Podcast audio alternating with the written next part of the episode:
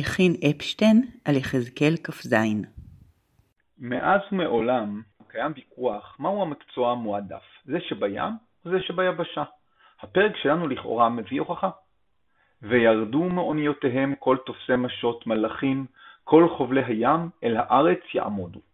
על זה אומר המדרש בתלמוד הבבלי, מסכת יבמות, דף ס"ג עמוד א', ואמר רבי אלעזר, עתידים כל בעלי אומנויות שיעמדו על הקרקע, שנאמר, וירדו מאונייתיהם כל תופסי משות מלאכים, כל חובלי הים אל הארץ יעמודו.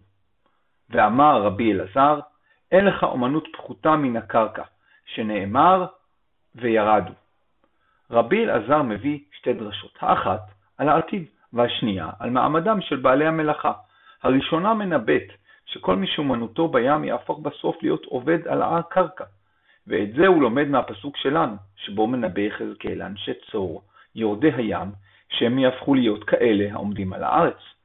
הדרשה השנייה מכריעה שאומנות הים היא הגבוהה מבין המלאכות, ואת זה הוא לומד מהשימוש ההפוך למקובל.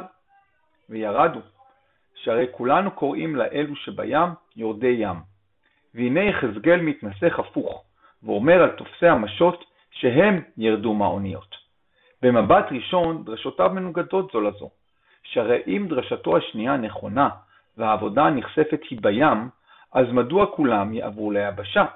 זוהי הרי נבואה שלילית ורעה, ומדוע מצפה שהיא תקרה לעולם כולו? נראה שכמו הרבה דברים, השאלה היא נקודת המבט. בהקשר של הפרק, הנבואה מופנית אל אנשי צור. מבחינתם המעבר ליבשה הוא קללה. רבי אלעזר קורא את הפרק כקריאה נוספת. מנקודת המבט שלו של שאר העולם. מבחינתם, הקרקע היא המקום היציב והבטוח, ומנקודת המבט הזאת הנבואה הופכת לברכה. וזו אולי נקודה חשובה ומשמעותית. נקודת המבט הקובעת היא של הנענש, לזה זה עונש, ולזה שמחה.